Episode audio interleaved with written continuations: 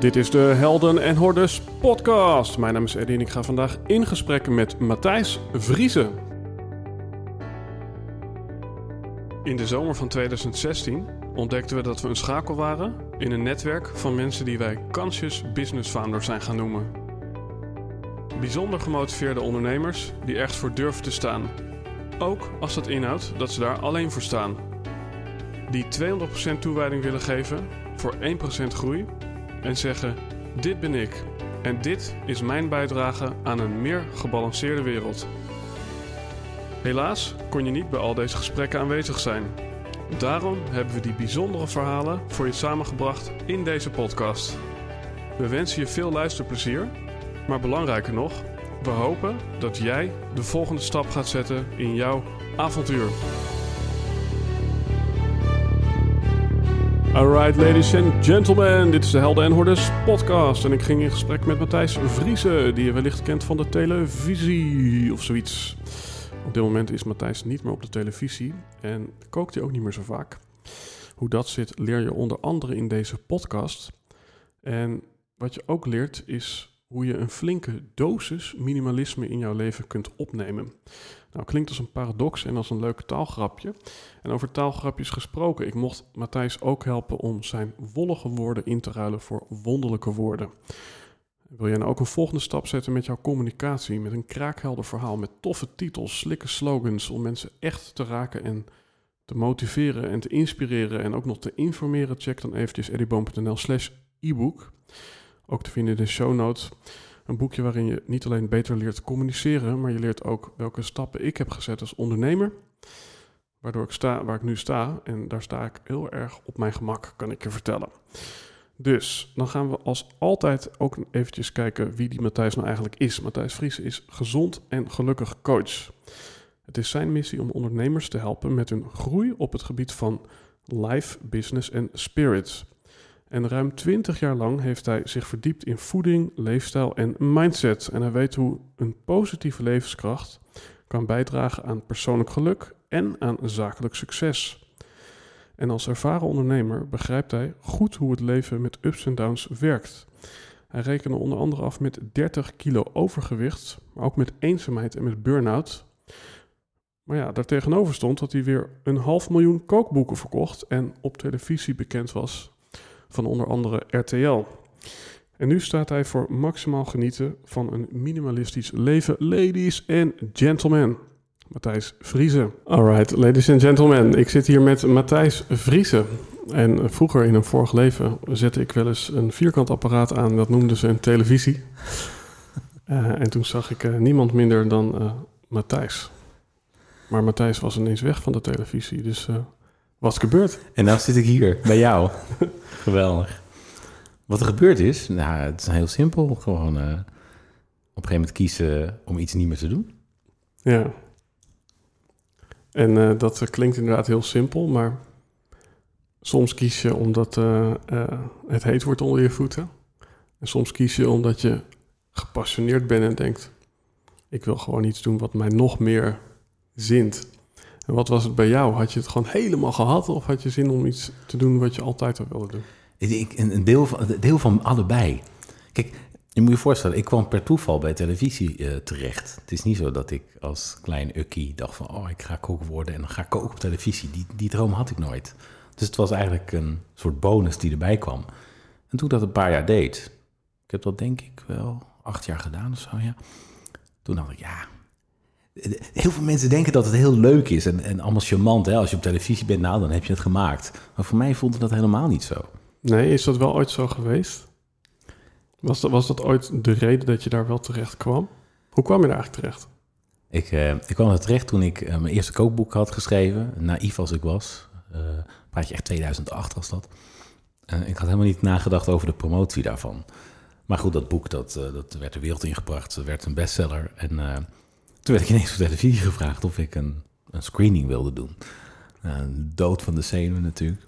Nou, gedaan. Bleek blijkbaar goed te gaan. Uh, maar gewoon vanuit uh, mezelf zijn. En, en, wat zeiden ze dan? Zeiden ze, we zoeken een nieuwe Joop Braakhekken? Of, Nee, nee, ze zochten gewoon... Ik, ik, ik heb wel later wel eens gehoord... Ik heb ook wel een gesprek met, met John de Mol gehad. En die zei van, joh, ja, je bent... Jij, jij hebt iets eigens, iets enthousiasts. Je bent heel snel enthousiast over de dingen. En dat Ja, werkt ja, voor televisie werkt dat heel erg goed, blijkbaar. En eh, zo enthousiast ging ik er ook in. En eh, nou, de eerste keer dat je op televisie bent, is wel gaaf hoor. Eh, het was RTO 4. Ik had een leuk debuut, een uurtje of negen s'avonds, een beetje primetime. En dan kijken er gewoon een miljoen mensen. En de ja. dag daarna op straat is het echt wel bizar, omdat je dan heel veel mensen... Ja, is dat echt zo? Is dat echt de dag dat je de, de dag daarna in de supermarkt bent dat je iemand ziet omkijken? Ja, zeker. Maar mensen reageerden ook. wat blijkbaar, eh, ik, ik, het was nieuw. Het werd ook flink gepromoot eh, op RTO 4 destijds. En ja, dat mensen... ja, ik, ik zat door het hele programma verweven. Ik was de kok van eh, Eten en Date, heette dat programma dan. Maar ik was eigenlijk ook een beetje de presentator, want ik interviewde de gasten en de dates die langskwamen. Dus het was, het was een beetje brutaal lifestyle kookprogramma. Dat was heel erg leuk eigenlijk. En eh, ja, dat, dat was wel een tof begin. En ik moet eerlijk zeggen, dat vond ik echt heel erg leuk. Alleen als je het niet gewend bent, is het heel erg raar om ineens voor televisiedingen te moeten doen. Want je, je moet ineens bedenken, oh joh, ik moet iedere keer andere kleren aan. Maar ja, daar ben je helemaal niet op ingesteld, want het, Ja. is, het overvalt je. En het overviel me ook echt. Ja, maar goed, dan kan je zeggen dat went. En toch heb je op een dag gezegd, ja, nu, eh, nu Ja. trek ik voor het laatst een ander setje aan. Kijk, het, het is heel simpel. Koken heb ik altijd leuk gevonden. Vind ik nog steeds. Televisie is ook leuk. Alleen als je kookt op televisie, dan heb je te maken met sponsoren. Dat is namelijk televisie. Hè? Alles draait om de reclame. Mhm. En als je dan met dingen moet gaan koken waar je eigenlijk niet achter staat, die niet passen bij je smaak of eh, ja, waar je echt voor staat, Dan raak je over de kook. ja, zo zou je dat kunnen zeggen, ja. Ja, Ja, dus ik, op een gegeven moment stond ik pro- producten te promoten. Dat werd dan een beetje zo terloops naar binnen geschoven. Want men wist wel dat ik best wel kieskeurig was. Want ik had tegen, joh, ik, ik heb het zo vaak ja kunnen zeggen tegen, eh, tegen reclames, joh, en campagnes en merken, noem maar op, joh, echt gekke werk. Ehm, en, en er, gaan ook vaak hele grote zakken met geld eh mee gepaard. Maar ja, nee, ik was heel sterk. Ik had zoiets van, ja, nee, het, ik, ik, ik, sta voor gezond. Hè, gezond vitaal. En dan hoort daar een, een kant-en-klaar mix of een, een, een, blikje of wat dan ook. Weet je, hoort daar niet echt bij om daar heel erg mee naar buiten te treden. Weet Ja. ik trek ook wel eens een, een blikje eh, tomatenpuree of zo open. Weet je ik ben niet tegen dingen die ehm, in het conservenvak staan. Maar om daar nou echt je gezicht aan te verbinden... ja. of op televisie echt reclame voor te maken van... kijk eens wat ik hier heb. Ja, nee, sorry. ja, dus het is niet zozeer dat er ook geld mee wordt verdiend of dat het commercieel is, maar vooral dat de associatie wordt gewekt dat jij een bepaald soort type bent. Of dat jij ergens voor staat waar je misschien niet voor staat. Kan ik het zo zeggen? Ja, en je komt er ook niet zo gauw meer vanaf, hè? Als je eenmaal dat gezicht bent van eh, een bepaald merk, dan zal je daar heel lang, eh, en heel lang aan mee geassocieerd worden. Ja, Ik, ik heb ooit voor Teval, en eh, dat was eh, Mhm. een van die eerste ehm, hete lucht, frituurachtige pannen was dat. Dan praat je echt over 2008, 2009. En eh, nou, dat heb ik toen Jaap gezegd. heb ik zoiets van, hey, wauw, frituren zonder olie. Nou, dat past wel in mijn straatje. Nou joh, ik, ik, ik krijg tot op heden nog steeds vragen van mensen... van heb je recepten voor Ja. die pan voor mijn band? Eh, dan denk ik, oh my god, joh, dit is gewoon echt al meer dan twaalf jaar geleden. Uh, Ja, Dus het blijft heel lang aan je kleven. En dat geeft helemaal niks. Maar dat, dat is wel het bewijs dat je heel goed moet nadenken waar je ja tegen zegt. Ik weet bijvoorbeeld dat uh, Rudolf van Veen, die kookte toen met, uh, in het programma van Carlo en Irene. Uh, Live for You heette dat later. Voor, voor hem was Live for Cooking, geloof ik. En die is er op een gegeven moment mee gestopt, omdat hij ook altijd merken eigenlijk de keuken ingedrukt kreeg waar hij niet achter stond. Toen kwam ik later pas achter dat ik, oh verrek, dat, ik heb dat zelf ook altijd als niet fijn ervaren. Ja, dat is wel een mooi thema op zichzelf. Hè? Ja, goed nadenken over waar je ja tegen zegt. Er zijn natuurlijk veel, veel ondernemers die naar deze podcast uh, luisteren. En Mhm. dan is een gezegde, ondernemen is risico nemen. Ja, in, in hoeverre uh, rijmt dat met wat je net zegt? Hè? Dat je toch ook wel weer goed na moet denken over welke keuzes je maakt. Ja, je, kan, kijk, wat, wat ik zelf altijd heel erg belangrijk vind, is dat zeker als je ondernemer bent, dan moet je vooral heel erg dicht bij jezelf blijven. Dus op het moment dat het voor jou goed voelt, dan voelt het goed. En je hebt gewoon mensen die zeggen van ja, eh, prima, ik kan het geld goed gebruiken. Ik zeg ja, nou prima, dan draag je de consequenties. Maar dan is, dan is de keuze dus geld gedreven. Mhm.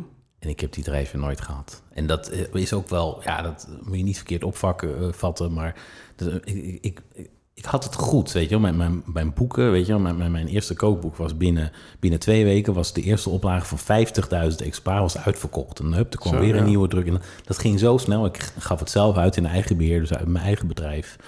En dat ging zo goed dat ik, dat ik niet echt meer geldgedreven beslissingen hoefde te maken. En dat is natuurlijk wel heel erg relaxed. Ja, dus in die zin was je al ondernemer toen je eh, op televisie was.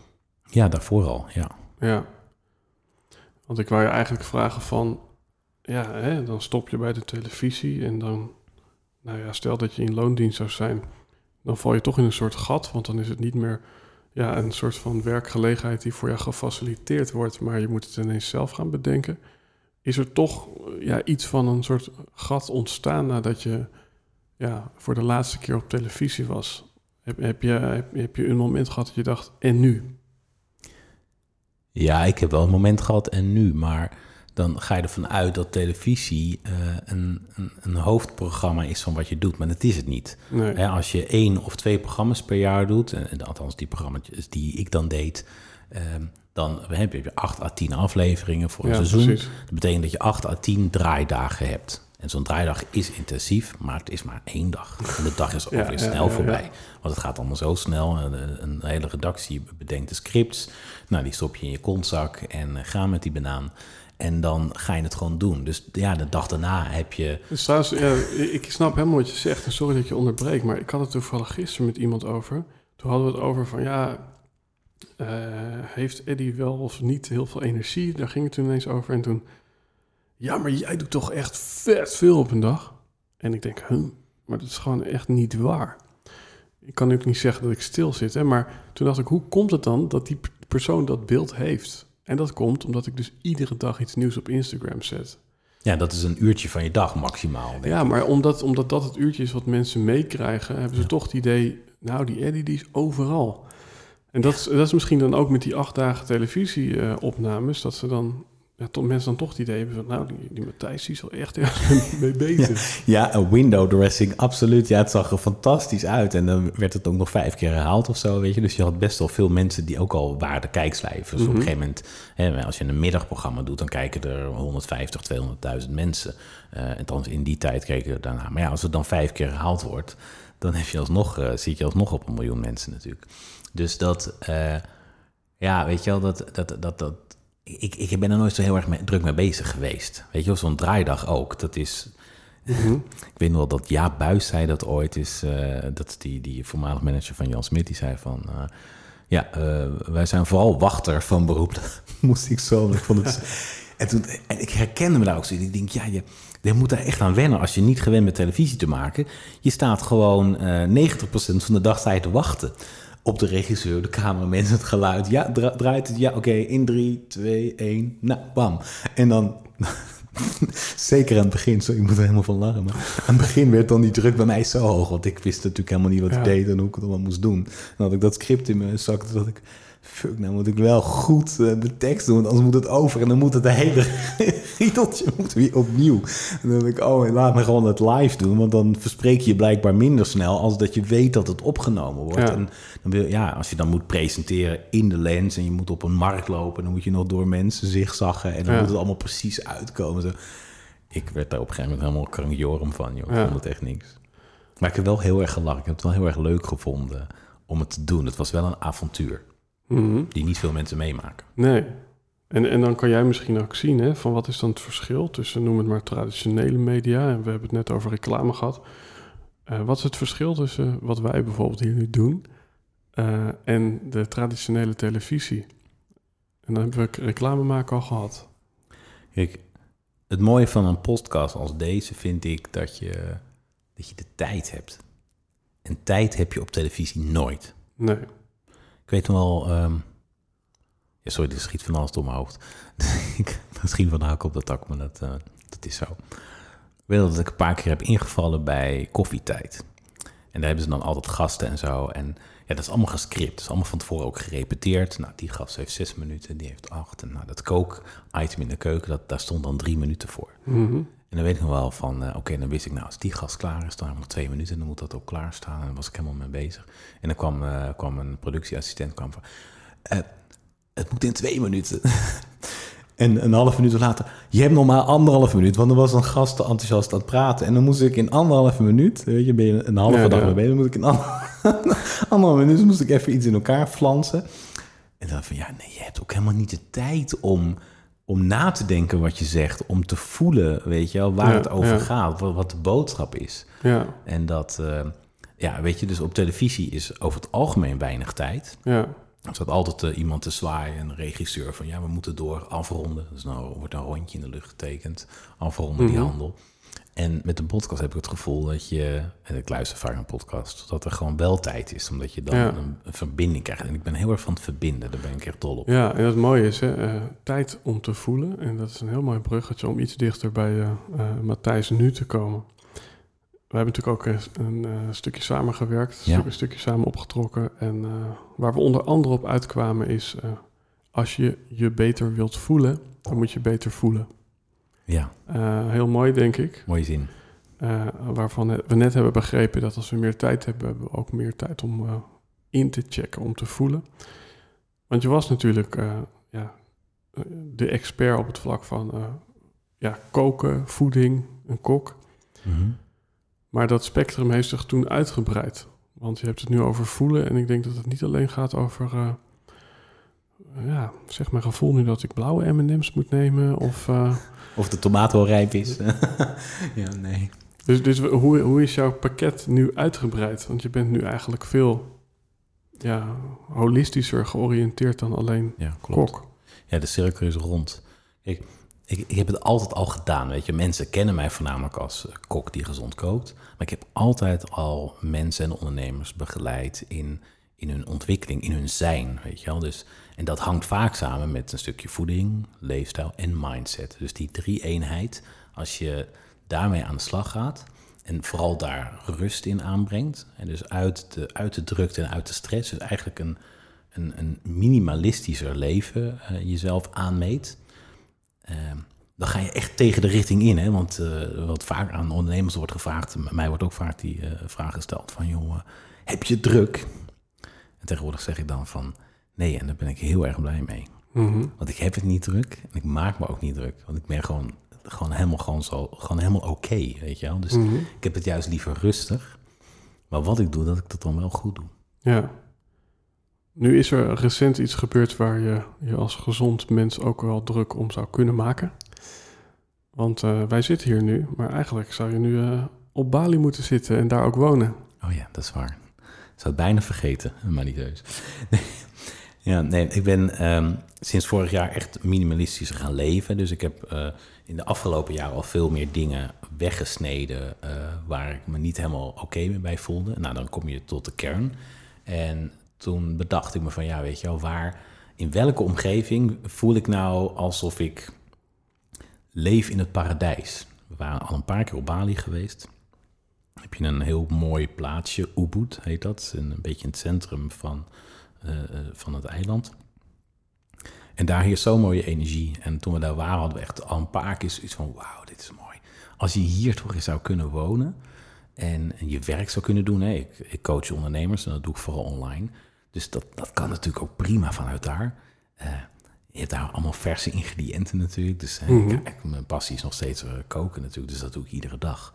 Ik denk, ja joh, dat, hè, de zon, de palmbomen, de rijstvelden, de vogels. Dus ik dacht van ja, ik, wil, ik zou eigenlijk wel voor een groot deel van het jaar op Bali willen wonen. Nou, als je dat dan wil doen, dan moet je er ook wel stappen toe zetten. Je kan er blijven dromen, maar als je het niet durft en niet gaat doen... en, en niet doorzet, dat zijn dan een beetje een paar days op een rij... dan, eh, ja, dan komt er niks van. Dus ik had zoiets van, ja, dan mo- moet je wel stappen gaan zetten. Dus dan de eerste stap was, oké, eh, ontspullen. Mhm. Spullen wegdoen, huis te koop zetten, huis verkopen, ticket boeken en dan gewoon gaan. En dan, weet je, met, met, als, eh, met als doel dat je dan daar naartoe gaat, dat je, dat je voelt. Hè, dat was dan dus wat we zouden gaan doen. En, eh, en dan gewoon kijken hoe, het, hoe, hoe de wind waait, weet je. Hoe, hoe, weet je wel, je hoeft niet alles van tevoren bedacht te hebben. Van ah, alles uitgezocht en Ja. allemaal contracten en dat soort dingen. Nee, je gaat er naartoe. Je gaat er een poosje leven en voelen. En dan vinden we vanzelf een plek waar je zegt van... hé, dan kunnen we van de familie, de Balinese familie... kunnen een stukje grond pachten... en dan kunnen we dan een mooi huisje opbouwen. Hoeft helemaal niet groot te zijn. Weet je, Ja, niet mooi, over een grote ja. film, maar gewoon een mooie plek. En dat je dan zegt van, nou, weet je wel... laat eens een half jaar per jaar op Bali zijn. Een half jaar per jaar op, in Nederland. En zo hadden we het bedacht. Ja, we hadden, het huis was verkocht, de spullen waren eh, allemaal weg. Eh, heel veel mensen blij meegemaakt. En eh, tickets waren besteld. Maar ja, toen kwam corona, toen konden we niet vliegen. Dus dan zit je, hè, terwijl je verlangt naar vrijheid. Ik denk dat veel ondernemers dat wel herkennen. Ja. Ik denk dat je onderneemt omdat je bepaalde vrijheid wil. Ja, die vrijheid is er dan in één keer wel heel erg weg. Weet je Ja? Voor ja. iedereen was het weg, maar als je echt op het punt staat met de koffer in je hand en, eh, en eh, ja, al je bezittingen zijn weg en je bent klaar om te gaan, je vleugels uitspreiden. Dat was wel, eh, was wel heftig, maar ja, het heeft ook wel weer mooie dingen opgeleverd. Ja, want dat vind ik het interessant. Hè? Van, eh, je zou bijna een soort van ja, eh, telegraafkop kunnen maken van eh, tv-kok eh, ruilt een droomhuis in Bali in eh, voor eh, op de bank eh, eh, zitten bij schoonouders. Dat is volgens mij wat iets van een roddelblad, ja. Dat, is wel een beetje wat, wat er heeft plaatsgevonden, als ik dat mag zeggen, toch? Ja, dat mag je wel zeggen. Ja, kijk, eh, Maar, maar dan gebeurt er niks, hè? Want je, je beschrijft net dat gevoel van... Oké, als ik incheck bij mijn gevoel, dan wil ik eigenlijk dit. Maar dan vervolgens, dan loopt het toch anders. mhm. En hoe ga je dan met dat gevoel om? Of, of is het inderdaad van het komt zoals het komt en het gaat zoals het gaat? Of, of was er toch wel een hoop frustratie, irritatie? mijn basis is echt van, joh, het, het, alles heeft een reden en het komt altijd goed. Weet je wel, eh, het, het is zoals het is. En daar vrede mee hebben. Maar dit was wel, was wel pittiger dan de dingen die je dagelijks tegenkomt. Dus het, het was wel iets anders. Maar ja, toch, ik ben heel vindingrijk en ik denk altijd in mogelijkheden. Mhm. Dus we hadden eigenlijk al heel snel een oplossing. En, eh, we En hebben dat waren de schoonouders. nou, hebben we ook tijdelijk gezeten, ja. En we, daarvoor hebben we nog in een, een, een leuk huisje, een hutje op de hei gezeten, wat fantastisch was. En dat, eh, dat kon prima, totdat het hoogseizoen werd. Hè. Eh, In de zomer wilde iedereen ineens in Nederland op vakantie, gek hè. En eh, nou, dan, moet je uitwijken. En dan inderdaad is het wel lastig van, oké, eh, wat ga je dan doen? Ja, je kan voor een hele hoop geld een, een woning ergens gaan zoeken. Ehm, maar ja, dat, dat, dat druist dan echt tegen je, je, je plannen in. Want je bent van plan om naar Bali te gaan en eh, wat minimalistisch te leven. Dan past het niet om een, een, een heel duur groot huis te duren. Het had gekund, maar we hebben het niet gedaan. Ik was iets van, joh, we gaan het even anders oplossen. Gewoon even kijken van, oké, hoe dit gaat. En Mhm. Ehm, ik heb daar zoveel eh, van geleerd ook weer. En ik heb echt, uiteindelijk heb ik er echt vrede mee. Mhm. Ook, ook nu, weet je wel, eh, voorlopig kun je nog niet naar Bali eh, reizen. Dus dat houdt gewoon op, weet je wel. Je kan niet vechten tegen de werkelijkheid, dus dan moet je het ook accepteren. En dan ga je weer verder denken van, oké, ja, dan, dan ga je toch een appartement huren. En dan koop je toch een, een, een hu- hutje op de hei, omdat, je, omdat we hebben ontdekt dat we dus Mhm. heel erg graag in de natuur zijn. Ja. Dat vind, ik ik vind natuur echt waanzinnig. Dat, voor mij zouden veel meer mensen de natuur mogen opzoeken. ja. Ik liep laatst in een, een nieuwbouwwijk en toen keek ik om me heen en toen dacht ik, oh, wat is- toch eigenlijk zonde dat die parken die vroeger werden aangelegd in een, in, in een buurt, Mhm. dat die parken een beetje verdwenen zijn. Het is toch eigenlijk van de gekke dat je niet je deur uit kan, kan lopen en binnen vijf of tien minuten in een stukje groen kan genieten en gewoon even kan, kan lopen, kan zitten. Eh, Weet je wel, wat je ook doet, dat je gewoon even kan luchten. Ja, en toch is dat raar, hè? Ik heb ook een, eh, nou ja, een ex-zwager moet ik inmiddels zeggen. maar die, ja, die, die wou bij mij wel eventjes de tuin doen. En ik had nou ongeveer zoals deze achtergrond op het scherm. Dat was ongeveer mijn tuin. Ik had alle soorten planten, bomen, weet ik wat allemaal. Ja, En die zegt, ja joh, je, je kan niet eens normaal zitten met je, met je vuurkorfje en je barbecue. Ja, het was dus, als ik hem die ruimte had gegeven, dan, nou ja, dan was het helemaal betegeld geweest. met me op straat. Ja. Ja. En, en dan denk ik van, er zijn dus toch heel veel mensen die, wat jij zegt, dat herken ik zo. Hè? Van, ik woon hier ook redelijk in het groen. Hmm. Wat, wat denk je dat dat is? Dat mensen, ja, alles maar willen betegelen en die connectie met de natuur kwijt zijn. Nou, die tegels, dat is natuurlijk omdat mensen denken, ah, dan heb ik de ruimte om daar te zitten. Mhm. Ehm, en het vergt wat minder onderhoud. Eh, terwijl je juist als je het druk hebt, zou je juist wat langer en wat vaker in de natuur moeten zijn. En dat zou dus ook kunnen betekenen dat je gewoon een kwartiertje even in die tuin wat onkruid gaat wieden. Of even wat dingetjes bijknipt. Of, of je Ja, eigen, ja. frambo- eigen frambozen uit de tuin plukt of wat dan ook. Weet je wel, dus maar mensen die zien dat vaak niet. En dat is echt heel erg zonde, want Ja. ja, als je juist... Er is zo- zo'n heel, heel mooi gezegde hè, over, eh, over een monnik, die eh, heeft het over mediteren. Mhm. Die zegt, ja, ja als, je, als je te druk bent om te mediteren, moet je, moet je twee keer zo lang mediteren. Ja, En, en, en dat is met dit precies hetzelfde. ja, ja dat is inderdaad wat ik, wat ik er bijna... eh, ja, ik, ik heb hem nog niet zo geprogrammeerd hoor, maar ik moet nu... Dan hoor je zo'n geluidje. en dan zeggen we nu, nou, dit is echt een tip die je moet opschrijven. En dat is de volgende. En dat is, eh, als je het druk hebt, ja, creëer dan meer bezigheden.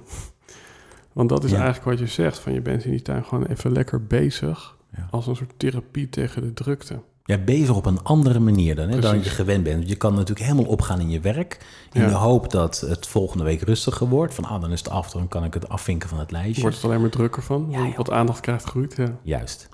En, ehm, maar juist inderdaad gewoon dat, weet je, als, je, als iedereen iedere dag een moment voor zichzelf zou nemen, hoe je die ook invult, Mhm. maakt niet uit. Weet je wel, als je van wandelen houdt, ga je wandelen. Eh, wil Ja, je hardlopen, wil je fitnessen, wil je in de tuin lekker met je handen in de, in de aarde.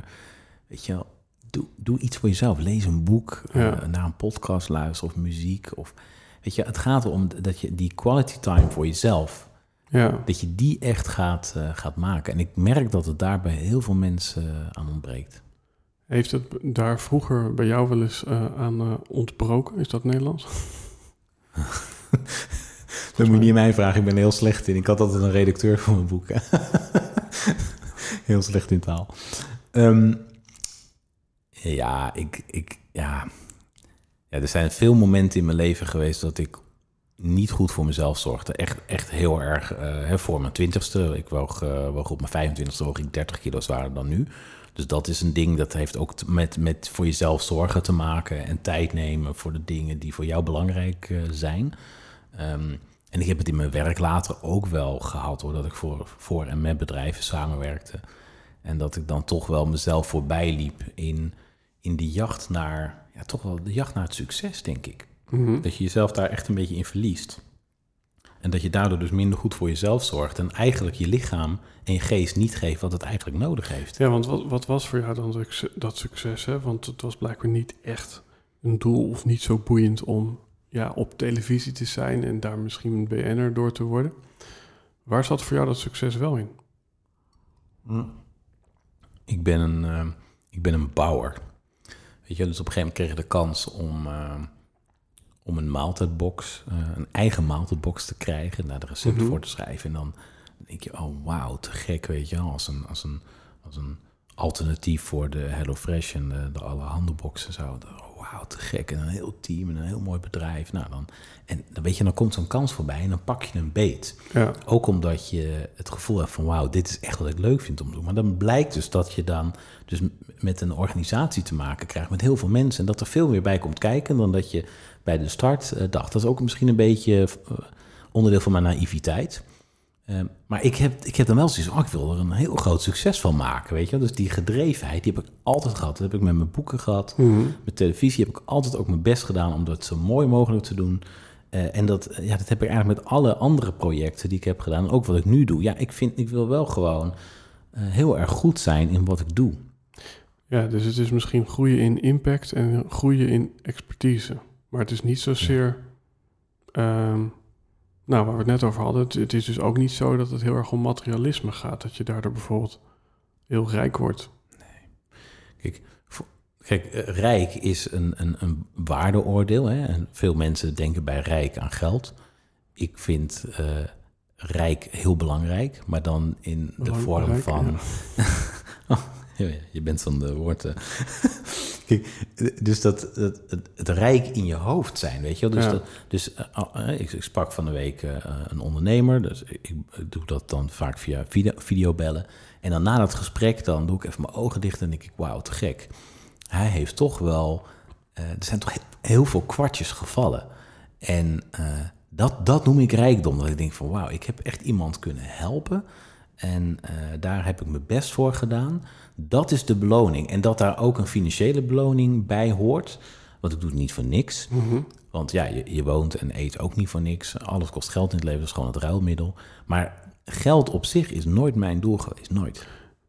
Nee, want wat ik interessant vind, ehm, zowel het koken, maar ook wel misschien een soort van droomleven op Bali. Ja, dat zit een beetje in het, eh, eh, in het hoekje genieten, maar misschien ook wel ja, in de ogen van sommigen, ja, toch ook een beetje in het materialisme, weet je wel, van ja, eh, eh, grote rijkelijke meergangenmenu's. eh, ja, weet je, dat is toch, het is toch, ja, wat ik gewoon interessant vind, hoe zich dat dan verhoudt, dat, dat, dat, dat Bourgondische levensgenieten, tot minimalisme. Want ik ken genoeg mensen waarbij ik het woord minimalisme, ja, als ik dat in de mond neem, dan denk ik, oh, dat is heel sober. En dat is heel kaal. Eén stoeltje in de kamer en that's it. Dat Ja. is heel saai. En wij zitten hier in een hele minimalistische setting, vind ik. Dit vind ik dit is mooi. Alles wat hier staat is functioneel, draagt bij aan, aan het doel.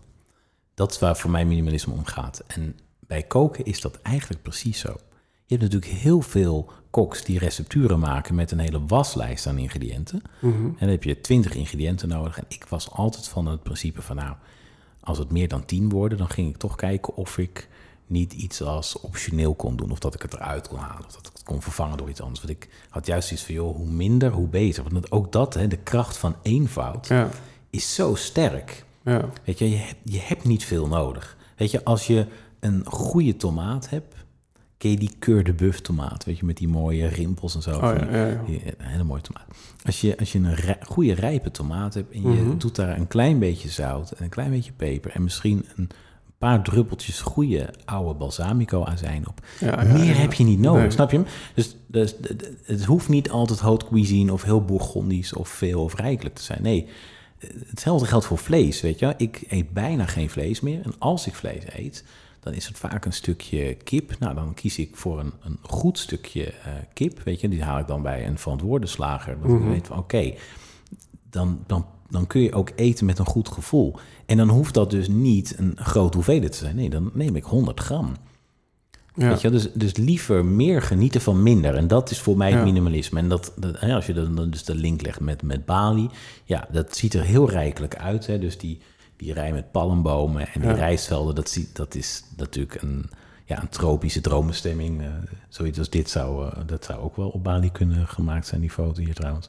Maar dat, eh, dat, dat, dat is de, de buitenkant. Maar uiteindelijk kun je van de buitenkant niet genieten als je van binnen niet oké bent. ja. Je, Ja. kan, en je kan in een nog zo mooi huis wonen, maar als je ongelukkig bent, what the fuck kan dat huis je dan schelen? Mhm. Of, Ja. die, of die mooie auto, of dat succesvolle bedrijf. ja. Dat is wat ik nu tegenkom, dat, dat mezelf of voor een partner zijn, of voor Ja. kinderen. Ja, dan denk ik, ja, dan, dan heeft het te lang voor de buiten, op de, om de buitenkant gedraaid. Ja. Maar ja, hè, je hebt natuurlijk met, met het, ja, het idee om naar Bali te gaan, heb je je moeten ontspullen. Je Ja. hebt allerlei dingen weggedaan. Is dat ook een proces wat je aan de binnenkant eh, een keer hebt eh, toegepast? Is het ook zo dat je bijvoorbeeld afscheid hebt genomen van overtuigingen, angsten, oude verhalen uit je hoofd hebt gehaald, op wat voor manier dan ook? Heb je nog even? Jeetje. Het is wel een hele grote vraag. Ja, wat niet, zou ik bijna willen zeggen. Ik denk dat het, dat het ontspullen eigenlijk de, de laatste stap was in, de, in het proces. Je zou het ook om kunnen draaien. Je kunt ook beginnen met spullen. Maar ja, weet je, ik, ik heb een... een ik, heb, ja, ik kan best wel zeggen, ik heb niet zo'n hele, hele fijne jeugd gehad. Het is niet zo dat het horror was of zo, weet je. En ik ben ook echt niet zielig, want mijn jeugd heeft mij gemaakt wie ik ben. En dat geldt eigenlijk voor iedereen. Dus accepteer hoe het was. En haal er het beste uit, zou ik, eh, zou ik haast willen zeggen. Maar ja, weet je, ik had als, vooral als kind, en daar ben ik eigenlijk een paar jaar geleden pas achtergekomen, heb ik heb me heel, heel vaak heb ik me heel eenzaam gevoeld, omdat ik anders was dan anderen. Mhm. En ehm, dat zat hem in een paar dingen. Dat was dat ik had een, een hele hoge stem, had ik. Zou je nu niet meer denken als je me nu zo Ik hoort. wil zeggen, die microfoons die, eh, gaan door de geluidsbarrière. jou. Ja, ik had echt zo'n heel hoog stemmetje. En eh, heel druk was ik, eh, heel speels, ehm, maar vooral heel onzeker. En eh, ja, ik, dus ik trok me heel erg terug. Dus ik was, was eigenlijk heel erg eenzaam. En ehm, ik, heb dat, ik heb altijd gedacht dat het onzekerheid was, maar dat was het niet. Het was, het was gewoon echt, het was echt eenzaamheid. Je echt alleen voelen. eh, en ook niet begrepen voelen. Want, ik dacht gewoon anders dan andere mensen. Ehm, ik deed ook anders. Ehm, en, en daarnaast, ja, weet je, als je als jongen het, het gevoel hebt, hè, dan praat je over dat ik een jaar of 18 was of zo.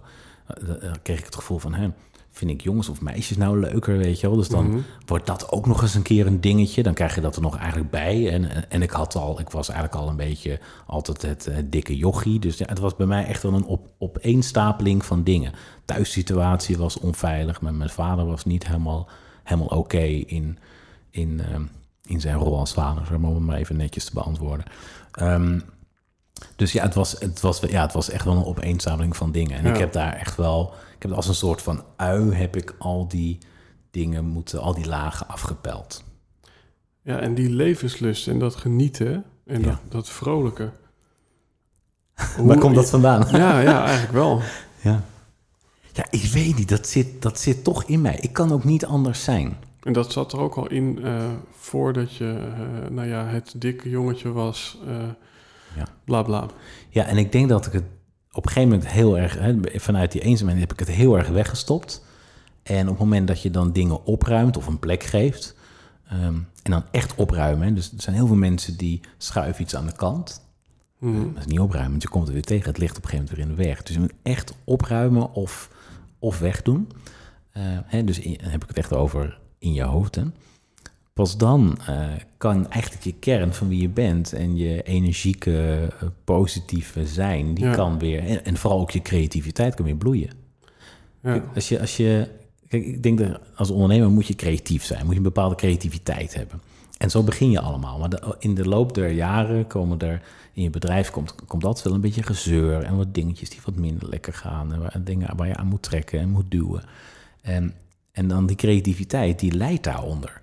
En op het moment dat je weer die, die, die leegte maakt, dus echt weer minimaliseert, dus echt afscheid neemt van bepaalde dingen of misschien wel mensen. het hoeft niet eens alleen op de, op de zaak te zijn, maar ook in je privéomgeving. Ehm ja, daar ben ik heel erg hard in, weet je wel. Eh, neem, afscheid van de dingen die, die weg mogen. Ja. Ik vind het sowieso, als je het zo uitlegt, het verschil tussen wegdoen of opruimen. Ik heb er nooit op die manier over nagedacht, maar inderdaad, als je dingen opruimt, dan zou het kunnen dat je ze toch weer een keer tegenkomt. Ja, Eh, Ja, en ja. Als, je, als je ze wegdoet, niet. En ehm, wat zijn dan de dingen die, je- die je met jouw ervaring als mens niet weg moet doen? Als je snapt wat ik bedoel. Want je zou kunnen denken, nou, ik ruim mezelf helemaal op. Eh, dus met andere woorden, ik ga boven op een berg zitten in Tibet. En ik word helemaal leeg en ik denk alleen nog maar alles is energie. Maar eigenlijk hoor ik jou zeggen van... Ja, minimalisme ehm, gaat toch nog wel uit van een aantal dingen. Het is niet dat je alles wegdoet. dat is heel interessant. Want de vraag is eigenlijk of je als mens in staat bent om Helemaal op te schonen. Ja, weet je wel. En wat er dan vaak gebeurt is dat je het eh, wegstopt, wegmoffelt of inkapselt. En ehm, ja, in mijn directe omgeving heb ik dus bij, zie ik dus heel erg bij mensen ehm, dat op het moment dat ze echt dingen inkapselen, echt wegdrukken, Mhm. dat dat vaak hele negatieve gevolgen heeft tot, tot aan, aan drugsverslaving aan toe. Weet je, dus dat begint vaak met, eh, met, met, met, met een wijntje, dus het, weg, het ontspannen, het wegdrinken eh, van dingen uit het verleden die je geen plek hebt kunnen geven. En dan denk je van, nou, ik, ik ban het echt helemaal uit mijn leven weg. Mhm. Maar de vraag is of dat eigenlijk wel kan. Want Ja. jij hebt het meegemaakt. Ja, de, nu beschrijf je eigenlijk, ja, het is nu een soort van heel filosofisch, maar ik hou ervan. Het is, is een beetje het verschil tussen iets wegdoen of wegdrukken. En Ja. Dat is natuurlijk maar in, in de Nederlandse taal een klein verschil, maar het is een groot verschil in uitwerking. Want het een is misschien verdoven en dan wordt het alleen nog maar erger. En het ander is gewoon, ja, het, het opschonen. Ja. ja, kijk, op het moment dat, dat je dus iets oppakt en je kijkt het aan van oké, dit is het, oké, dit heb ik ervan geleerd. Hè. En niet te veel terugkijken. Er zijn heel veel mensen die proberen maar te graven hoe iets komt wat ze nu doen. Ze zeggen van joh, als je tegenkomt, is het mooi om het echt even aan te kijken. En dan berg je het op. Dan weet je het ook weer terug te vinden op het moment dat je het nodig hebt. op het moment dat je het wil wegmoffelen, dus een beetje onder het vloerkleed of eh, achter het behang eh, wil stoppen, ja, dan wordt, dan wordt het een puist. Ja, ja, ja, ja precies. ja, sorry, ik kan het even niet anders verwoorden. Ja, ja. Nee, ja, ik, het is, ik, ik, had helemaal niet het idee dat we hier naartoe gingen, maar ik vind het wel rete interessant, omdat het van die hele kleine, maar eigenlijk hele grote verschillen zijn. Dus eigenlijk het verschil tussen je doet iets weg of ehm, je moffelt het weg. Ja. Of ehm, ja, je ruimt het op. Opruimen. Ja, en en dan hebben we eigenlijk drie verschillende. En ja, als we dan eventjes teruggaan naar jou, van wat, wat is er nog wel in jou wat altijd mag blijven, wat wij spreken een, plekje in je interieur uh, heeft? Dan moet ik echt even graven hoor. Dus, ja. Ja, weet je, van mij, uh, ik heb gewoon echt een mooi archief. Ik heb, ik heb nu niet iets waarvan ik denk van, hmm, dat trek ik even nu uit mijn archief of zo, weet je. Mhm. Kijk, ik ga er namelijk vanuit dat alles wat ik heb meegemaakt, hè, dus en, en die 30 kilo overgewicht en alles wat erbij kwam kijken, hè, dus dat, dat spiegelbeeld waar je mee geconfronteerd werd, uh, maar ook je, de onzekerheid die ik destijds uitstraalde en dus ook niet het succes kreeg. Hè, want ja, ga maar eens een uh, afspraak maken met potentiële klanten. Zit maar eens niet lekker in je vel. Nou, uh, 99% kans dat je die deal niet binnenhaalt. Je, dus al die lagen die daarbij komen, kijk maar ook het, het aantrekken van, van, van kleding, een broek of een broek weg moeten doen omdat je eruit gescheurd bent of wat dan ook. Weet je, omdat, al die dingen heb ik meegemaakt. Maar dat houdt me wel nu scherp. Dus ik leer daarvan van oké, als ik ehm, iets ongezonds eet, gisteravond toevallig ik denk, oh, werd me aangeboden, chips. Mhm. En vanmorgen wist ik weer waarom ik dat niet deed. Waarom ik niet meer at. Want uh, chips, zout, aardappel, eh, ik doe het er gewoon niet goed op. Dus ik ben gaan voelen wat, wat goed voor mij is. En waar merk je dat dan aan? Nou, ik, ik, voel het gewoon aan mijn buik. Dat ik denk van ja, nee. En, hè, wat, het is een soort energielek eigenlijk dan. Ja. Dus ik, ik, ik weet heel erg goed waar ik dus... Uh, wat, wat goed voor mij is en wat niet. En al die facetten, dus we hebben eigenlijk maar een heel klein dingetje nu. We hebben het natuurlijk over dat overgewicht. En hè, berg je dat uh, op, ja, netjes, stop. Nou, dat ligt uh, op dat plankje. Maar ik gebruik het altijd. Want nu, hè, soms heb je weer een reminder nodig. Oh ja, ja, chips, dat is voor mij eigenlijk geen... Ik kan beter een, een, schaaltje nootjes nemen of een beetje fruit of wat dan ook. Weet je, dus... Geloof, geloof je in die zin in, uh, in zondigen? Want zo'n zo'n Tibor, zo'n business coach die eigenlijk ook vrij gezond leeft. Maar dan af en toe in het weekend dan zie ik een post van hem en dan is het toch ja, een, uh, een speciaal biertje met 8% of zo. En dan is het, deze heb ik echt verdiend. Maar geloof jij nog in het verdienen van een zak chips of het verdienen van een biertje? Of, of is het echt gewoon helemaal uit, uit, uit het pakket? Ja, ik, wil Tibor niet uh, tegenspreken, want het is een hele toffe vent. Um, ik vind het een hele gevaarlijke als je aangeeft dat je iets hebt verdiend. Want eigenlijk verdient iedere dag een taartje. Als je, als je iedere dag wat maakt van je leven en, je, en je, je, je, je wandelt of loopt of rent richting je doel, dan is eigenlijk iedere dag een feestje. Mhm. Dus dan is het gevaar dat je dus iedere dag vindt dat je wat verdient. En ik hoor dat van ondernemers vaak die zeggen: Ja, ik heb zo hard gewerkt, zoveel stress. Aan het einde van de dag ja, heb ik echt dat uh, die, dan trek ik die fles wijn open en heb ik echt verdiend. Maar dat betekent niet dat die hele fles ook op hoeft te gaan. Ja. Want, want, je slaapt daardoor slecht en ben dan dus onvoldoende hersteld. En je volgende dag begin je al met uh, 3-0 achterstand. Ik, ik, ik geloof wel in, in zondigen in de vorm van dat je, dat je geen... Uh, hoe heet dat? Algehele onthouding? Ja, dat, ja, dat, dat je dus helemaal niets meer mag. Nee, weet je wel, geniet vooral maar ja, dan krijg je een beetje die alcoholreclame van jou, geniet met mate. Ja, maar daar, daar zit, uh, daar zit uh, dan ook weer dat minimalisme eigenlijk. Hè? Want je neemt iets, maar je checkt eigenlijk bij jezelf in of je ervan geniet. En als het eigenlijk voorbij dat punt komt, dat je verzadigd raakt of zo, ja, dan, dan, dan is het dus eigenlijk te veel geweest. Maar dan is het dus eigenlijk ook ja, in, in, in, in het wel of geen biertje en hoeveel, dat is ook weer het minimalisme wat de boventoon voert. Nou, en dat, dat raakt heel erg dat voelen ook. Hè, van oké, als je eet en je hebt het zelf bereid, dus je hebt er iets voor gedaan, dan kun je er ook meer van genieten. En als je dan ook echt de tijd ervoor neemt en de rust voor neemt, dat betekent dus niet op de bank, televisie of eh, ergens zitten met je mobiel in je hand en even je social media allemaal checken. Nee, gewoon echt bewust bezig zijn met eten. Dan ga je ook steeds beter voelen ehm, hoe je jezelf aan het voeden bent en of je dus voldoende hebt. Ja, Ja, je hebt van die oude libellen en margriet tips, weet je, van leg af en toe eens je vork neer. En ik vind die altijd een beetje, een beetje belerend. Maar er zit wel een bron van waarheid in. Want je, je hoeft die vork helemaal niet neer te leggen. Dat is maar een trucje. Daarmee los je het probleem niet op. Mhm. Maar het gaat erom dat je wel bewust geniet van, van wat je eet. En niet Ja. achterloos dat zomaar even naar binnen werkt. Dat is ook een eh, beetje een misschien cryptische vraag hoor, maar ben jij beter gaan voelen? Dus dat je echt steeds beter ja, een antenne of een sensor hebt om waar te nemen of iets je past. Ja, waanzinnig. Ja? Ja, ongekend. Ik ben zo eh, sensitief geworden Mhm. op allerlei fronten. Nee, dus, dus, dus dat gaat verder dan alleen eten. Het gaat over mensen. Eh, ik vind, vind de dingen die je zegt vind, je mooi, eh, vind ik mooi. Weet je. je ge- geeft net ook zo'n mooie driehoek aan. En dan denk ik, wauw, jij snapt het. Weet je. Jij, jij voelt. eh, hè, daarom, daarom vind ik je toffe vent.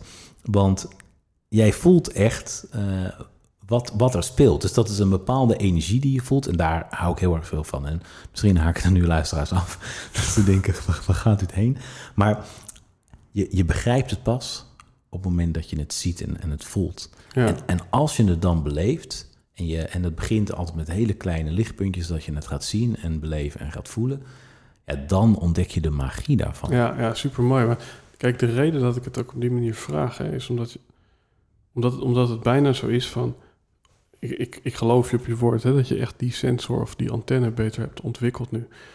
Maar het zou ook kunnen zijn dat door dingen weg te halen, eh, ja, letterlijk in de fysieke ruimte, eh, maar ook gedachten of prikkels, bijvoorbeeld minder op social media zitten, dat ja, door je eigenlijk te declutteren in het Engels, dus gewoon de ruis weg te halen, Ja. dat, dat je niet eens heel goed hoeft te zijn en voelen, maar als er gewoon heel veel leegte is, dan is het ook veel makkelijker om te zien ja, eh, wat er nog wel is. en, ja. de- dus het ja ene, in, de in stilte gaat- hoor je alles. ja, precies. Dus, Ja. Dus, dus, dus dan kom je bijna op een stuk van, moet je beter leren voelen?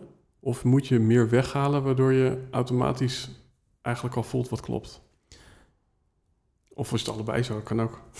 Eh, Ze gaan hand in hand. Want het, het gaat er uiteindelijk om dat je eh, beter leert voelen. En wat daarvoor nodig is, is dat je bepaalde zaken opruimt. Mhm. Zo heb ik bijvoorbeeld eh, zes jaar geleden ben ik het eh, nieuwsdieet begonnen. Dus ik zie bijna nooit nieuws. Het enige nieuws wat ik meekrijg zijn de dingen die echt belangrijk zijn, maar die komen toch wel tot mij. Ja, Dus ook daarin ben ik heel minimalistisch. ja. En maar ook bijvoorbeeld met vrienden. Je, je wil niet weten. Ik heb in die, in die, in die periode dat ik op televisie was... Nou, dus de, de agenda stond barstensvol over de, eh, door de week met, eh, met afspraken, dingen. In het weekend vaak nog een klus. En dan op die ene vrije dag die ik had, die zondag... Ging ik, eh, eh, kreeg het voor elkaar om drie afspraken te maken met vrienden, familie. En s ochtends daar koffie. Ja, ja, ja, ja. Joh, ik rende mezelf voorbij. Ik weet in mijn eigen staart.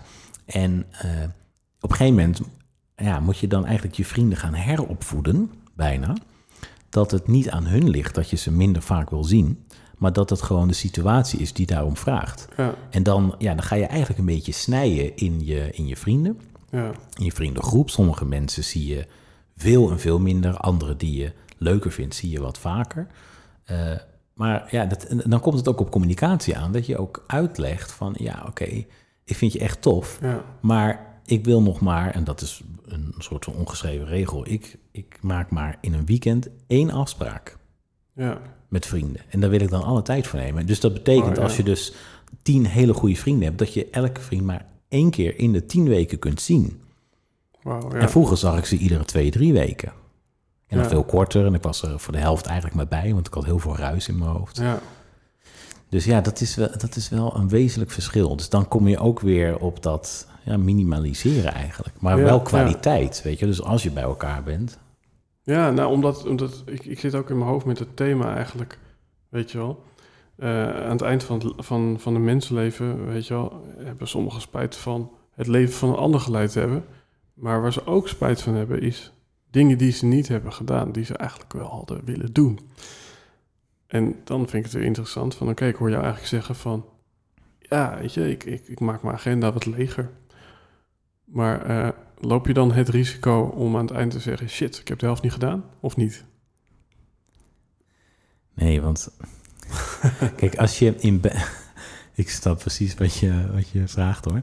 Kijk, als je in beide handen iets vast hebt en je laat niks los, dan heb je nooit ruimte om iets nieuws vast te pakken. Is dit een uitspraak van jou? Ja, hè? nou, weet ik niet hoor. Volgens mij heb ik hem van jou. Waanzinnig. Als je loslaat, heb je twee handen vrij. Dat heb ik wel eens gezegd, Oh. volgens mij. Nou ja, zoiets.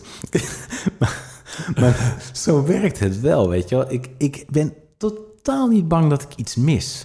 Want ik kies heel bewust voor de dingen die ik wel doe. Ja. Weet je, dus je, je, je, op het moment dat je, dat je, dat je agenda barstensvol staat... en uit elkaar knalt van, van, van alles wat erin staat... dan heb je toch ook geen ruimte om te bedenken wat je wel wil. Dan ben je alleen maar, wat je net ook zo mooi zegt... Ja. het leven van een ander aan het leven. Nou, dat heb ik toch echt veel en veel te lang Ja. gedaan. Dat begon Ja. al in mijn jeugd... En daar ben ik, eh, nou, het zal het zijn, eh 12, 14 jaar geleden mee gestopt.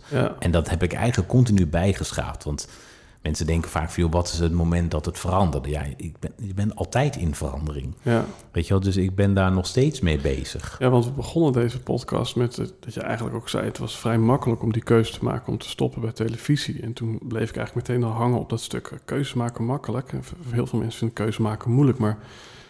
Dit sluit, het thema sluit heel mooi aan op een gesprek wat ik onlangs had met Job Jansen. Een bodybuilder die ook heel erg met ja, personal development eh, bezig is. Maar eigenlijk, ehm, dat is ook een inzicht wat ik uit dit gesprek haal. Dat is wel mooi van, weet je wel, van je doet eerst dit, je doet dan dat. Dat is een beetje hoe wij geconditioneerd zijn, weet je wel. eh, taak na taak, opdracht na opdracht. eh, ja, maar wat, wat, wat jij nu eigenlijk zegt is een soort van die tussenruimte. Tussen eerst dit en dan dat zit een klein beetje ruimte Mhm. om in te checken bij jezelf en te voelen: wil ik dit en ga ik dat doen? Ja. En weet je dat, en hij had het namelijk in die podcast over dat hele kleine stukje tussenruimte in een conflict met je partner, waarin je even het ouderwetse tot tien tellen hebt, Ja. om in dat hele kleine moment even in te checken en te denken: wat is mijn intentie en wat ga ik doen? Maar, maar die hele kleine momentjes, want tot tien tellen is niet eens lang, die zijn we volgens mij met z'n allen zelfs al een beetje verloren. Dat, dat zelfs dat hele kleine moment er al niet meer is. Ja. En dan kom je dus in inderdaad de red race. Dus Ja. Nou, precies, precies de spijker op zijn kop. ja, En dat werkt met alles zo. Hè? Of je nou aan je bedrijf aan het bouwen bent, of je aan je relatie aan het bouwen bent, of dat je gewoon naar de supermarkt gaat en iets wil eten. ja maar, je, maar, Waar, jij, waar heb je zin in? Weet Ja. je? Waar heb je behoefte aan? maar jij leeft het ook echt. Sorry dat ik er een beetje enthousiast overheen dende. maar, nee, maar dat vind ik het mooie van... Ik word de laatste tijd heel erg geïnspireerd door mensen die die verandering ook echt zijn. Want ja, er zijn zoveel boeken geschreven en dingen gedaan. Maar dat jij zegt, ik heb mijn auto om de hoek geparkeerd.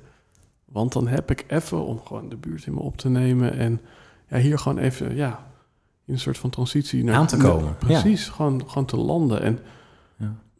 ja, ik zou bijna zeggen, wie doet dat nou? Maar, maar, Ja, maar waarom doen we dat niet? Ik ben ook een vreemde vogel, dat weet ik. nee, maar het is heel, heel positief. Ja, ik zei het tegen jou, want ja, we hadden het over, ja, we gaan straks een hapje eten. En eh, dan denk ik, oh ja, mijn auto staat natuurlijk iets verderop. Het is helemaal niet zo heel ver weg, hè? Maar gewoon als je ergens komt, waar, weet je, mensen willen altijd de auto voor de ingang. ja. Mensen zijn zelfs bereid om op de stoep te parkeren, waar het eigenlijk niet mag, om dan maar niet te hoeven lopen. ja. Dan denk ik, joh, dat is toch zonde? Weet je, anders dan stap ik mijn deur uit, bel ik bij jou aan en dan boem, ben ik binnen. Nou, nu gewoon even een paar minuutjes even wandelen. En het, het is bij mij een automatisme geworden. En soms moet ik mezelf weer herinneren aan het feit van, oh ja, shit, wacht even, want ja, anders moet je aan duizend dingen tegelijk denken. Automatisme. Kijk, dus dat, ja, weet je, het- Maar, maar heb, je die, heb je ook die keus gemaakt in zo'n, in zo'n tussenmomentje, als je snapt wat ik bedoel? Je hebt misschien op een dag gedacht, hé, hey, wat nou als ik mijn auto om de hoek zet? ja. Nou, wat ik vooral denk is dat mensen al die leegtes altijd maar weer opvullen. Ja. Dus hè, of je nou kijkt naar minimalisme in interieur, in elke hoek, aan elke wand, op elke tafel, op elke vloer, lijkt wel alsof er iets moet komen te staan. Eh, eh, dus dat is leegte opvullen. En dat, eh, als je met het openbaar vervoer gaat, dan, nou, dan wacht je totdat uh, dat de trein, tram of bus aankomt. En ga je even op je mobiel zitten. En ja, ook weer ja. eventjes de tijd doden. En al die leegtes opvullen. Uh, ben je alleen thuis, is je partner weg, trek je even de kasten open om wat te eten, om de leegte op te vullen. En ik denk juist in de leegte zit juist het goud. Ja, maar in die zin... Dat, dat is je levensenergie. Dat is, ja, maar dat, het is mooi. Je zou bijna kunnen zeggen dat in jouw leven, in jouw levensloop, of carrière moet ik zeggen, um, ja, je bijna ja, een soort van het tegenovergestelde ja, uh, tot in het uiterste hebt ervaren. Want als jij zegt, op televisie was het 90% wachten en 10% uh, knallen. Ja. Ja, ik bedoel, in heel veel mensen hun leven is het 90% knallen, 10% wachten. Ja, oh ja, inderdaad. Dus daar, daar ben je misschien bewust geworden van dat hele kleine piekmomentje. Met heel, Ja. veel, heel veel niks eromheen. Ja. Ja, ik weet het niet, hè? Ja, nee, maar je zegt er iets heel moois. Ja. Ja, Da- daar zit hij wel in, weet je. En juist het tegenovergestelde doen. Hè, eh, en, en daarom ben ik er trots op dat ik een vreemde vogel ben. Weet je, iedereen wil altijd maar groter wonen, weet je. Een groter huis. Ja, van 150 naar 180 vierkante meter. Maar ja, wij gaan juist de andere kant op, weet je. Dus van een groot huis van 150 nou helemaal geen huis en bij je schoonmoeder wonen. ja, of, oh, en, en dan een, een klein, een tiny huisje, een huisje ja. weet je. Dan denk ik, wauw, weet je. En dat met, met een paar spulletjes die er echt toe doen en die je echt gelukkig maken. Eh, ik geloof niet dat spullen echt je gelukkig maken, maar het draagt wel bij aan, weet je. Dus dat je er Ja. echt van kan genieten, laat ik het zo zeggen. Ik kan altijd heel erg genieten als ik een nieuwe, schone laptop heb, weet je. Ja, dat ik ja. weer opnieuw kan archiveren en dat die weer lekker snel is en zo. Ja, dat bedoel ik daarmee. Ja. ja, en dat is inderdaad ook... eh, dan, ko- dan komen dingen ook echt tot terecht, weet je. Ik zit hier in de studio met jou en ik denk ook echt... Man, weet je wel, tof deze spullen hebben en dat we dit zo kunnen doen. Hm. Weet je, dus En hoe minder afleiding, hoe beter, hè? ja, En die afleiding zit hem dus in, in alles. ja. Zoals een eh, motor die voorbij rijdt. Kan leuk zijn, ik kan geen motor rijden. Ehm, ja, als we het hebben over eten, eh, dan gaan we zo meteen uiteten. Ja. En dan eh, wordt er even niet gekookt. En ehm, ja, een bekend spreekwoord is liefde gaat door de maag. Eh, is het altijd al zo geweest? Want ik hoor je aan het begin van het gesprek zeggen... Hey, dat koken, dat zorgt er eigenlijk ook voor dat ik... Of nou ja, beter gezegd, ik was altijd geïnteresseerd in de persoonlijke ontwikkelstukken en de gesprekken. Ehm, ik, ik keek vroeger dat programma eh, Taarten van, van Abel, ken je dat? Ja, ja. Ben jij, ben jij er eigenlijk ook zo een, maar dan voor volwassenen? Dus iemand die levensthema's bespreekt met iemand... en dat koken ja, een, lekkere afleidingsmanoeuvre is... Om, om eigenlijk heel erg anders met iemand naartoe te gaan. Dat werkt sowieso. Ik heb dat, eh, ik heb dat een poosje gedaan voor een eh, weekblad. Koken met eh, bekende Nederlanders. Dat heb ik twee jaar gedaan, geloof ik. Iedere week opnieuw. Wat heel erg tof was om te doen. En je merkt inderdaad dat er tijdens het koken hele boeiende gesprekken ontstaan. Want dan laten mensen ineens los. Want alles, ze- zeker bekende Nederlanders, die hebben toch vaak een bepaalde agenda. Weet je? Ze hebben een cd te promoten, of een musical waarin ze spelen, of een film, of Ja, een boek, weet je wel. En het is helemaal niet erg, dat snap ik ook wel. Maar vaak is het, is het zo met de oogklep op, hoppakee, nou dat Ja. Dat op het moment dat je gaat koken, dat ontwapent eigenlijk. En, en koken verbindt, weet je wel. Dus zeker als iemand niet zo goed kan koken, is het natuurlijk altijd leuk als je een beetje wat trucjes kan vertellen en uit kan leggen.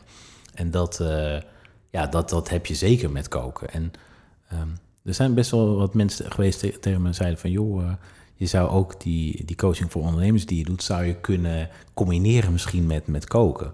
En ehm, nou, een paar maanden geleden, toen de Bali-plannen nog stonden... eh, dacht ik van ja, nee, dat gaat niet werken. Maar Ja. ik ga het nu nog eens een keer heroverwegen. Want eh, Zou het ook iets anders kunnen zijn dan koken? Of, of, of is koken echt... eh, Nee, dit- Met een paplepel ingegoten. Hoe heb je meer met zijn woordgrappen? Geniaal ben je. Ehm, ik, ik doe ook veel coachings gewoon lopend in de natuur. Ja, Gewoon, ja, gewoon, weet je wel, om je heen kijken, ook, ook weer voelen, weet je waarnemen, wat hoor je. ja. Weet je, ik heb, eh, ik heb van die eh, retreats ook georganiseerd op, eh, op Bali.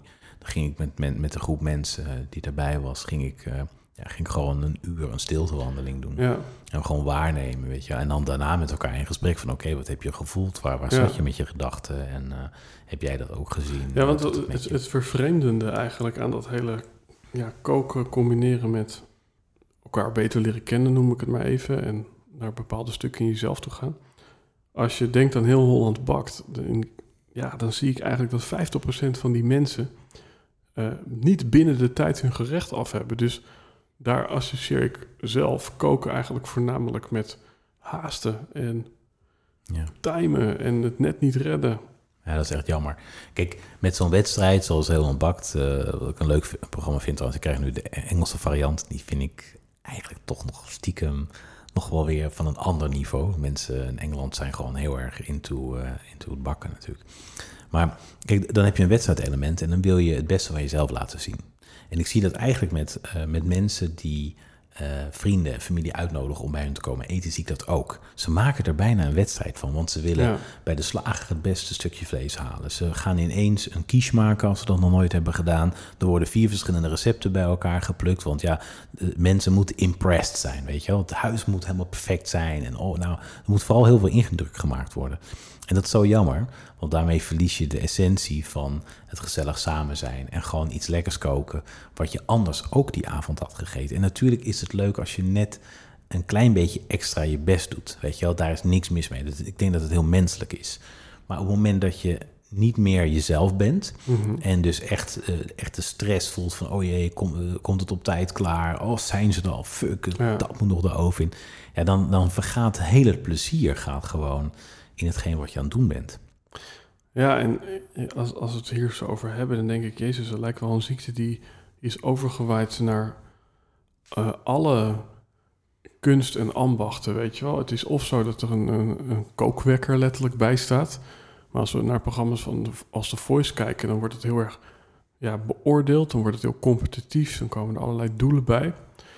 Terwijl dat volgens mij nooit ten goede gaat van de kwaliteit. Of heeft het ook voordelen voor de kwaliteit? Een, ze- een zekere druk ehm, kan voor de kwaliteit of het succes wel meehelpen natuurlijk. Ja, Dat herken je zelf denk ik ook wel. Maar niet, niet het hele leven hoeft een wedstrijd te zijn. nee. nee. En mensen maken dat er vaak wel wat van. Ja. Heb jij nog in die zin, hè, dan rollen we een beetje naar het einde van dit eh, gesprek, heb je in die zin ergens nog een, een competitie die je met jezelf aan wil gaan?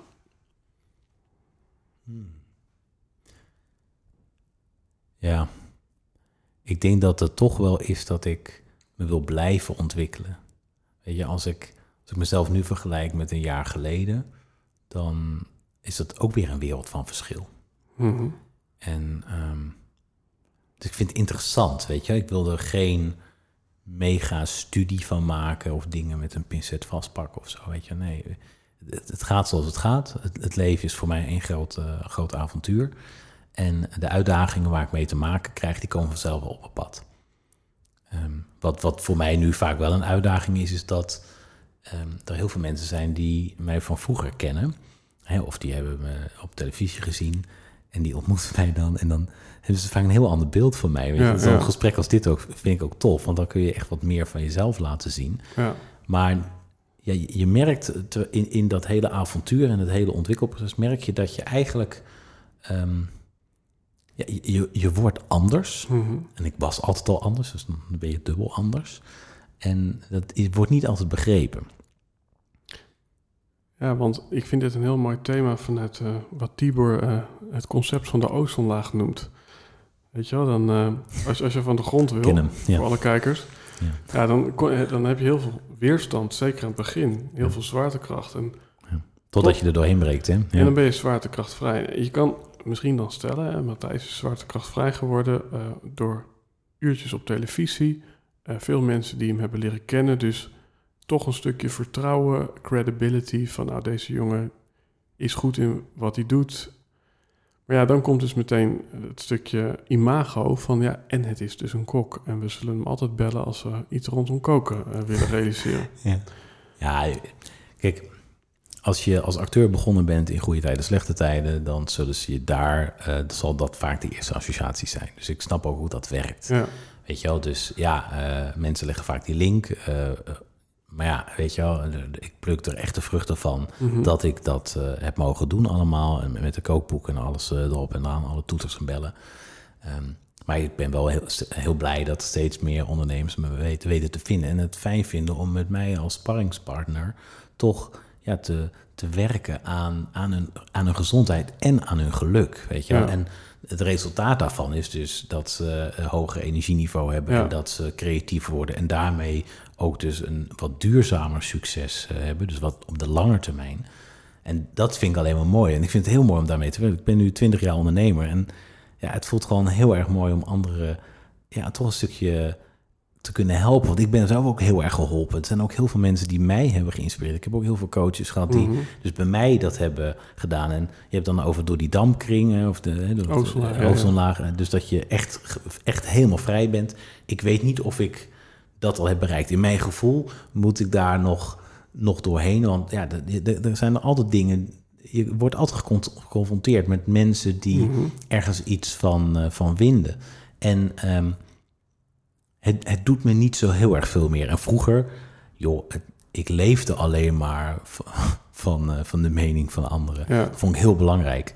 En nu, nou, ja. is een heel klein stukje. En ik weet niet of ik dat laatste stukje kwijt wil raken. Ik, weet je wel, het lijkt me ook een heel saai leven als je van niets en niemand Als je meer iets helemaal geen aantrekt. erkenning of zo nodig hebt, ja, dan word je Ja. ook een beetje een soort van eh, af- Het- afgescheiden of zo. Ja, ja, een beetje zo'n zo'n ijskonijn of zo. Weet Ja, je wel. Dat ja. lijkt me... Nee, dat lijkt me niet wenselijk. Het mooie is dus eigenlijk, hè, ehm, op dit moment zou je kunnen zeggen dat voedsel of eten is een ingrediënt op een nog veel grotere menukaart geworden. Ja, dat is wel een hele mooie. En, En, ehm, voedsel en- voor, voor lichaam en geest dan, ja. Du- Dus even afsluitend voor de luisteraar die misschien ondersteund kan worden door jou. Wa- Wat, wat is nu ja, eh, het totaalplaatje van deze menukaart? Met andere woorden, waarom moeten mensen bij Matthijs eh, aankloppen? Wow. Waar ben bij? Nou kijk, allereerst gaat het om dat als je, je bij mij aankomt, moet je bij mij een goed gevoel bij hebben. Mhm. Ik vind dat je, eh, weet je, als ik traject eh, doe, dan doe ik dat drie maanden. Ga ik je in alles helpen wat je nodig hebt. Ik geef je alles, alle tools eh, geef ik je. Mhm. Dan help ik je naar het leven wat je wil leven. Maar dat kan alleen maar op basis van, van vertrouwen en op basis van energie. Dus doe het Mhm. vooral alleen als je het gevoel hebt van ja, dit is de persoon die bij me past. Dat vind ik het allerbelangrijkste. En wat, wat, ik, wat, wat ik de meeste mensen geef is, is eh, de, de energie en het plezier terug in het leven en in de business. Dus die combinatie is het en daar is voeding een onderdeel van. Maar minstens net zo groot is de, de leefstijl. Hè? Of je dan je, Mhm. je auto iets verder parkeert. Of dat je toch eh, eh, na het werk even op de racefiets stapt om even het hoofd leeg te maken. En daarnaast natuurlijk de mindset, de manier van denken is, ja, is gewoon cruciaal. Dat is gewoon de drie-eenheid die, Mhm. die je nodig hebt om echt duurzaam aan jezelf te werken. En dus Ja. geen shortcut of eh, quick fix, maar gewoon echt, ja, dat je gewoon het leven kan leven wat je echt wil leven. Waar jij Ja. echt blij van wordt. Ja, en dat, dat, dat doe je onder de naam gezondernemer, klopt dat? Ja, goede naam, hè? Ja, ja zo, zo, zo zou zomaar voor mij kunnen zijn. Is het niet, echt niet, eh, beste mensen. Nee, het is echt niet zo. Ehm, ja, daar kwam jij zelf mee aan. Ik weet niet hoe je erop kwam, maar... Nou, eh, ik, ik ben wel door jou geïnspireerd geraakt. Want jij bent iemand die speelt met woorden. Dus ik, vind jou echt een mooie woordenkunstenaar. En toen ineens, toen zag ik, hé, hey, gezond of gezonder. En dan ik denk hé, hey, onder, ondernemer. Ik denk, oh, nou, gezondernemer. Ik ben er helemaal gezonderste van. Ehm Niet doorslaan nou, hè? gaan we zeker niet doen, want we gaan ook een beetje afronden. Is er één plek voor ondernemers of ambitieuze mensen die ja, meer eh, gezondheid en meer genieten willen toepassen, ervaren in hun leven? Naar, naar, wel- naar welke link wil je ze verwijzen? Naar welke plekje wil je ze verwijzen? Ehm, ik denk dat het makkelijkste is gezondernemer.nu. Mhm. Dus niet .nl, maar .nu. Waar komen we uit als we .nl doen? Ja, iemand die het niet weg wilde geven aan mij. maar er verder helemaal niets mee doen. Dus Dus niet, ik- niet echt een minimalist dan. Nee. Nou goed, als je, weet je, ik- kijk gewoon even op social media, Matthijs Vriezen. En eh daar post ik regelmatig wat dingen. Ik heb ook een leuke checklist eh, Mhm. gemaakt voor ondernemers. Dus dan op, op basis van 25 punten ehm, kun je eigenlijk met een soort stoplichtmodel met vijf verschillende kleuren kun je aangeven hoe goed je daarop scoort. En ja, het is echt een beetje confrontatie met jezelf. Oké, Mhm. hoe, hoe scoor ik nou op die gebieden van, van voeding, leefstijl, mindset, geluk en succes? Ja, En dat is, ja, dan heb je een mooie blauwdruk van waar je nu eigenlijk staat, wat je vertrekpunt is. En als je dan het gevoel hebt van, oh wauw, ja, ik dacht wel dat het hem hierin zat, maar ja. die checklist die, die wijst vaak dan toch ook nog één of twee andere plekken aan. En dat Ja. is goud. Cool man. Ehm, in de show note staat natuurlijk een mooie link naar de checklist, naar je website, naar je Instagram. Awesome.